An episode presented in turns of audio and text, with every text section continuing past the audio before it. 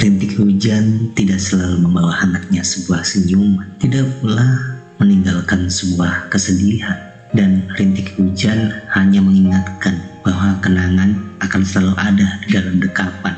Rintik hujan hanya memberikan pelajaran bahwa hidup bukan hanya tentang sebuah keinginan, bukan hanya tentang menuruti kemauan. Dan kamu harus tahu, semua orang akan merasakan patah hati dan kegagalan, entah dalam menjalin sebuah hubungan ataupun dalam kehidupan. Dan mereka hanya pandai berkomentar, tidak akan pernah tahu bagaimana lika-liku hidupmu, bagaimana berada di posisimu. Meskipun kata mereka semua orang pernah berada di posisimu, pernah sepertimu, tetapi takaran masalahnya berbeda.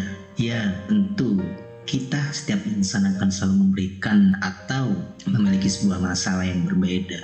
Yang mereka tahu hanyalah bagaimana memandang, mengomentari masalahmu tanpa mengerti bagaimana perasaanmu. Dan mungkin mereka pernah mengatakan, aku pernah berada di posisi sepertimu. Ah, itu bullshit. Jangan memusingkan apa kata mereka. Jadilah dirimu seperti sedia kala, menempatkan diri berada di tengah-tengah, dan selalu berkata semua baik-baik saja.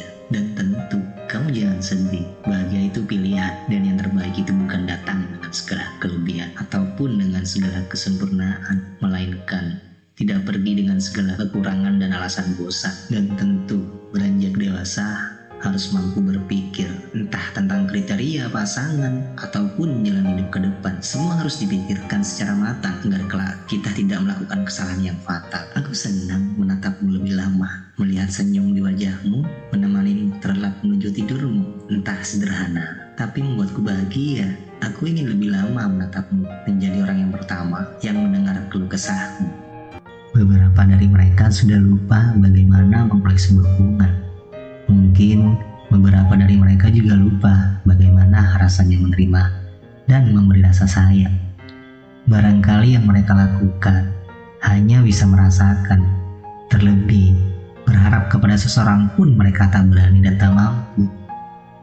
Entah karena pernah memberi hati yang utuh dan penuh, hingga akhirnya membuat hatinya kembali terjatuh, atau pernah merasa sakitnya ditinggalkan, hingga akhirnya menghindari untuk patah hati sekian kali. Di saat hatinya yang rapuh dan perasaannya lumpuh membuatnya berpikir tidak akan kembali memulai hubungan yang baru. Bukan karena ingin menutup pintu hati namun lebih agar tidak kecewa lagi. Mencegah perasaan itu tumbuh agar tidak kembali terjatuh. Karena mereka mengerti lebih baik memilih mengobati luka di lutut kaki dibandingkan harus mengobati luka di hati karena mereka mencegah agar hatinya tidak terjajah oleh mereka yang hanya berniat singgah dan lambat laun semua bergerak dan kembali berjalan. Mereka memilih cintai dengan cara mendoakan, tidak lagi harus saling mengungkapkan atas apa-apa yang mereka harapkan. Dan mereka akan jauh lebih belajar agar tidak terjatuh lebih dalam dan pada akhirnya hanya untuk saling melupakan. Karena mereka sudah mahir untuk melanjutkan maka mereka tidak akan pernah mudah tergoda oleh sebuah bulalan. Dan pada akhirnya mereka memilih untuk mencintai dari jauh tanpa harus mendekati lalu mengungkapkannya secara langsung. Dan pada akhirnya kita akan bahagia menurut versi kita masing-masing. Bahagia menurut garis kehidupan. Dan tentunya semua sudah ada di dalam takdir kehidupan. Karena apa-apa yang selalu kita paksakan ataupun perjuangkan mati-matian. Pada akhirnya pun dia akan memilih jalan yang berbeda dan tentunya kita tidak akan pernah bisa memaksakan perasaan untuk saling jatuh cinta karena Tuhan sudah menciptakan sepasang hati untuk saling melengkapi tanpa harus berniat pergi dan menyakiti.